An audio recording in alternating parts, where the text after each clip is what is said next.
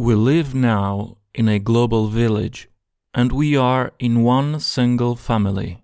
It's our responsibility to bring friendship and love from all different places around the world and to live together in peace.